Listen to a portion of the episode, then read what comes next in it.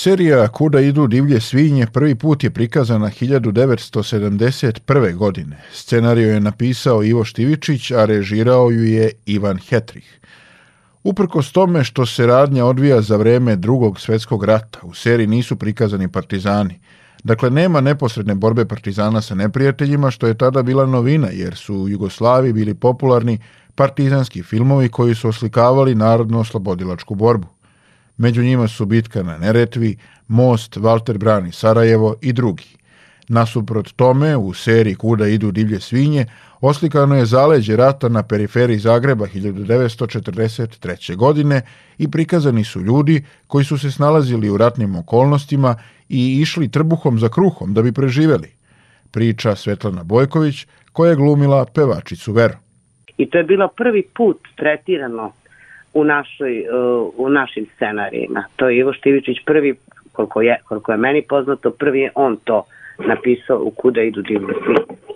Tako da je to u svakom slučaju ostala jedna antologijska serija, ne samo po tome, naravno i po tome, a onda i po režiji i po jednoj velikoj galeriji sjajnih glumaca.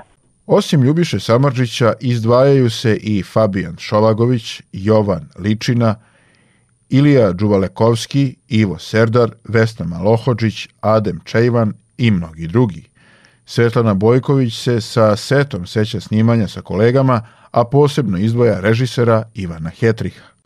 Veliki gospodin, veliki gospodin, jako dobar reditelj, znao je tačno šta hoće, bio je čovek koji je bio vrlo obrazovan, vrlo inteligentan i imao je ovaj ukus.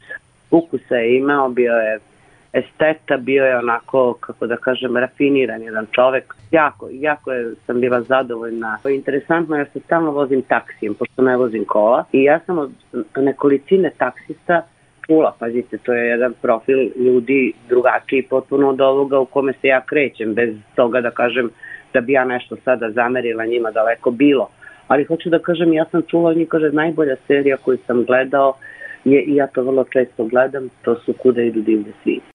Glavni junak serije Kuda idu divlje svinje, Crni rok, na izgled je gruba ličnost, ali kada se malo bolje sagledaju stvari, vidi se da je on pozitivac koji se bori protiv zla.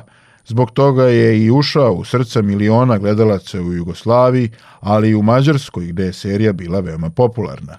Tu su naravno i Šarac, Plik, Veno, Čaplja, Profesor, ali i Veriga, Šojka, Kamilo Lisac i Lujo. Starije generacije neće zaboraviti Milu Vrbicu, a pogotovo će im u sećanju ostati reči čuvene pesme. Mene cura moli da spavamo goli, a ja neću, bojim se ozepšću.